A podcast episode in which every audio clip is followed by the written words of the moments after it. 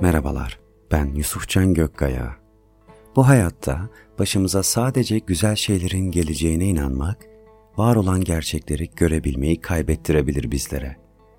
Sevgili Emre Ocaklı'nın böyle bir gerçekliği konu alan Çürük isimli öyküsü bazı şeyleri yeniden düşünmemizi sağlıyor. Kendisine ve bu öyküyü bizlerle paylaşan İshak Edebiyat'a teşekkürler. Annemin bitmek bilmeyen serzenişlerine, televizyonun gürültüsü ve üst kattaki komşumuza misafirliğe gelen çocukların ayak sesleri de eklenince ensemden yayılan bir ağrı saplandı başıma. Gözüm televizyonda, aklım yarına yetiştirmem gereken ödevlerimdeydi. Ama böyle bir ortamda hiçbir şeye odaklanamıyor, bırak odaklanmayı tam olarak ne yapmam gerektiğini bile bilmiyordum. Babam evin diğer ve tek odasındaki kanepeye uzanmış, her akşam yaptığı gibi iş dönüşü yarım veya bir saat uyukluyordu. Ama bu gürültüde uyuyabildiğini zannetmiyordum. Belki de uyuyormuş gibi yapıyordu. Annemin dırdırına katlanmak neredeyse imkansız bir şeydi bazı günlerde ve bu ses dalgasının delip geçemeyeceği bir kapı, duvar yoktu. Annem yırtıcı bir kartal gibi mutfaktan fırlayıp elindeki içi kaşık ve çatal dolu tabakları yemek masasına büyük bir gürültüyle çarptı. Bu yemek saatinin geldiğini babama duyuran bir işaretti. Bir iki dakika içinde babamın odasının ışığı yandı. Peşinden bir çakmak sesi duyuldu. İçine çektiği nefesin sesini duyabiliyordum sanki. Yine de yanlış yapmıştı. Annemin tekrarlamaya başladığı serzenişlerinin imdadına şimdi de sigara yetişmişti. İçme şu boktan şeyi evin içinde. Kaç kere daha söylemem lazım, kaç kere daha. Babam her zamanki gibi sessizce beni çağırdı. Sezgin, gel de yardım et oğlum. Annem derin bir iş çekti. Yılmıştı artık hep aynı yükü taşımaktan. Beraber odaya girip babamı aldık. Doğru düzgün kullanamadığı, çoğu zaman hissedemediği bacakları oyuncak bir bebek gibi sallanıyordu yemek masamızın eskimiş sandalyesine oturduğunda. Yıllardır dikiş makinesinin iğneleri yüzünden yara bere dolu sigara kokan parmaklarıyla saçımı okşadı. Yorgundu, bitkindi. Gözleri belki kısa uykusundan, belki de tüm günün yorgunluğundan kıpkırmızıydı. Ağır çekim bir filmden sıkıcı bir kare gibiydi. Masanın diğer ucundaki bardağa uzanıp tabağının yanına getirmesi. Diğer eliyle sürahiyi alıp bardağını doldurması ve sürahiyi tam aldığı yere bırakması. Tüm yaptıkları saatlerce sürmüş gibiydi.'' Babama baktıkça uykum geliyor, canım sıkılıyor. Kıyafetlerimi yırtıp sokakta deli danalar gibi koşmak istiyordum. Annemin balyoz gibi eli izin vermedi ama kafamı eliyle ittirip tuzluğu getirmemi söyledi. Alıp tekrar yerime, bacaklarım babama değecek şekilde yanına oturdum. Televizyonun sesi artık kısıktı ama üst kattaki çocuk tepinmeye devam ediyordu. Annem yemeğinden tek lokma almadan konuşmaya devam etti. Ne güzel kadınmış. Saçlarını süpürge etmiş. Bu kümes gibi yere layık mıymış? Babamın boğazına dizilen makarna parçalarını görebiliyordum. Her lokmadan sonra bir yudum su içiyordu. Annem devam ediyordu. Kullandığı her eşya eskimiş. Bilmem kaç yıldır aynı kıyafetleri giyiyormuş. Arkadaşlarıyla görüşmeye gidemiyormuş utancından. Babam tek kelime etmiyordu. Kaşı ağzına götürürken Suyundan yudum alırken masanın ortasındaki küçük tabakta dörde bölünmüş iki domatesin en yakın parçasına çatalını uzatırken yüzünde her saniye kahrolan bir adam görüyordum. Kan kusuyordu içine içine. Diyecek bir sözü yoktu. Ne diyecekti ki? Ne diyebilirdi? Yedi yıldır elden ele taşınmayı, yanında biri olmadan sandalyesine bile oturamayacak halde olmasını kendisi istememişti. Yine de Bak bu halimle bile çalışıyorum. Eve para getiriyorum demek istediğini biliyordum. İçinde çok şey olduğunu ama bunları söylemeye yüzü olmadığını, utandığını biliyordum. Utanıp söyleyemediği, onu içten içe her gün öldüren birçok şey daha olduğunu bildiğim gibi. Annem susmadı ama durmadı da bir türlü. Artık ne üst kattaki Allah'ın belası çocuğun ayak seslerini duyuyordum ne de televizyonu gözüm görüyordu.'' Onu her gördüğümde kalbim yerinden çıkacakmış gibi atmaya başlayan Çiğdem olmasa ders yapmak, ödev hazırlamak, okula gitmek istemiyordum. Annemin ağzından çıkan her kelime kör bir kurşun gibi sekiyordu evin duvarlarında ve sonunda gelip bizi vuruyordu. Olduğundan on yaş daha yaşlı gösteriyormuş. Zamanında çok ünlü bir tiyatrocu onu istemiş ama ona varmamış. Bir çocuk yetmezmiş gibi bir de başına kocası çıkmış. Hangi birine yetişecekmiş? Babamın malum durumu yüzünden veli toplantılarına hep annem gelirdi.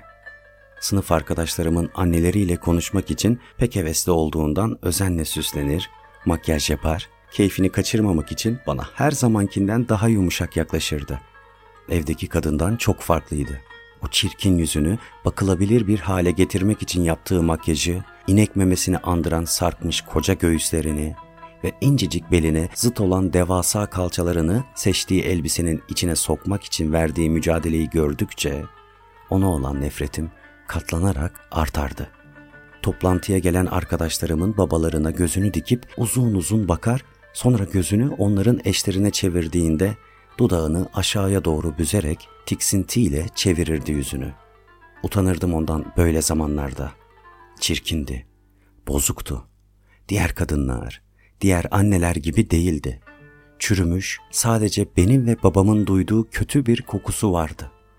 Diğer kadınların yanında kendini ne kadar küçük ve işe yaramaz gördüğünü eve döndüğü zaman iyice anlıyor, evi cehennemin sıradan bir odasına birkaç dakika içinde çevirebiliyordu. Banyo yaparken birden içeri girip eskimiş bir bezle sırtımı yok etmek istercesine temizlemeye çalışması, babamı her sabah tekerlekli sandalyesine oturtmaya çalışırken sürekli itip kalkması, benden, babamdan, yaşantısından hoşnutsuzluğunu öfkeyle kusması sürekli çoğalan bir şiddetin parçalarıydı. Elbette her gün böyle değildi. Onun da kendini iyi hissettiği, mutlu olduğu, elbette benim ve babamın olmadığı anlar vardı. Son iki yıldır başka bir erkekle görüşüyordu.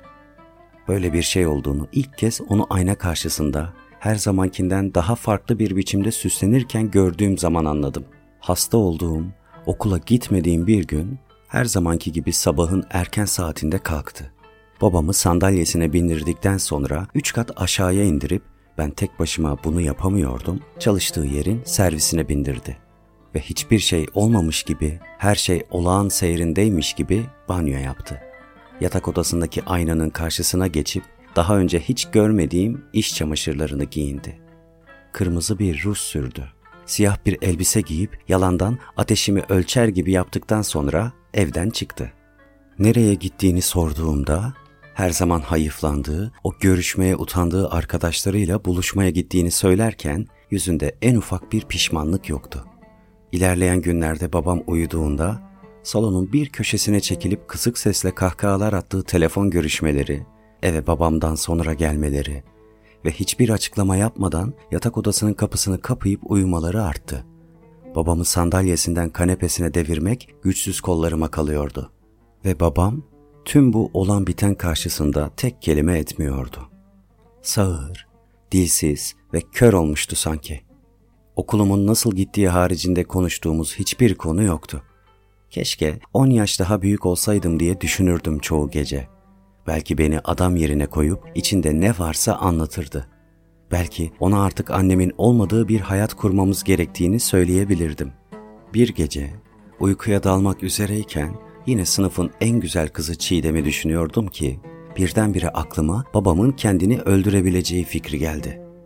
Çiğdem'in güzel saçları, sürekli kısarak baktığı gözleri ve yenmiş tırnaklarından nasıl babamın ölümüne geçtiğimi bilmiyordum. Ama bu fikir bile tek başına beni çok korkuttu. Böyle bir şey yapar mıydı bilmiyorum ama bu fikir bir kıymık gibi saplandı beynime. Yarım adamdı. Tek başına tuvalete bile gidemiyor, sürekli birilerine muhtaç yaşıyordu. Üstelik annemin yaptıklarından da haberi vardı. Olmalıydı. Kendisini yatağına bile almayan sürekli aşağılayan, ona zamanında sunduğu güzel hayatı unutup sürekli dert yanan bir kadınla yaşamak, üstelik ona muhtaç yaşamak, kendisini öldürmeye kadar varacak büyük bir kederdi. Babamın öldüğünü düşündüm o gece. Sabaha kadar o öldükten sonra neler hissedeceğimi, hayatımın nasıl devam edeceğini, annemin ne yapacağını düşündüm. Babasız büyüyecektim. Belki daha güçlü, belki daha zayıf bir adam olacaktım yıllar sonra.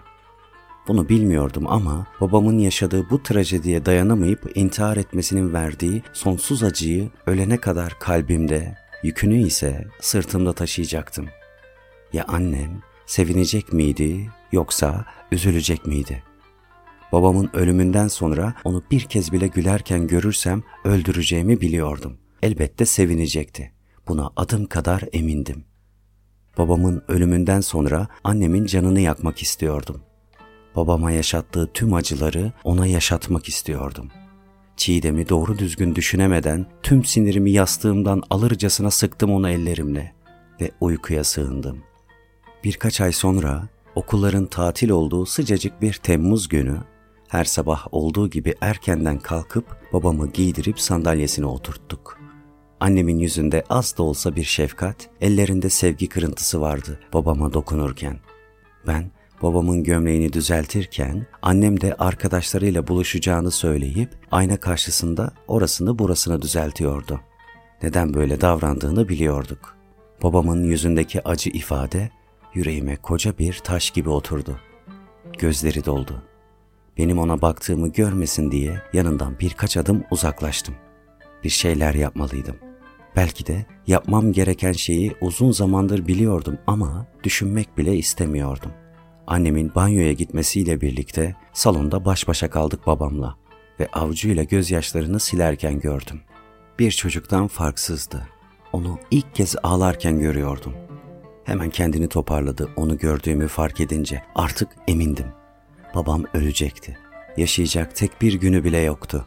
Her şeyi planlamışım gibi şaşılacak bir titizlikle annemin çantasından telefonunu alıp salondaki koltuğun yastıkları arasına sıkıştırdım ve babamın arkasına geçip sandalyesini kapının önüne doğru itip annemi bekledim.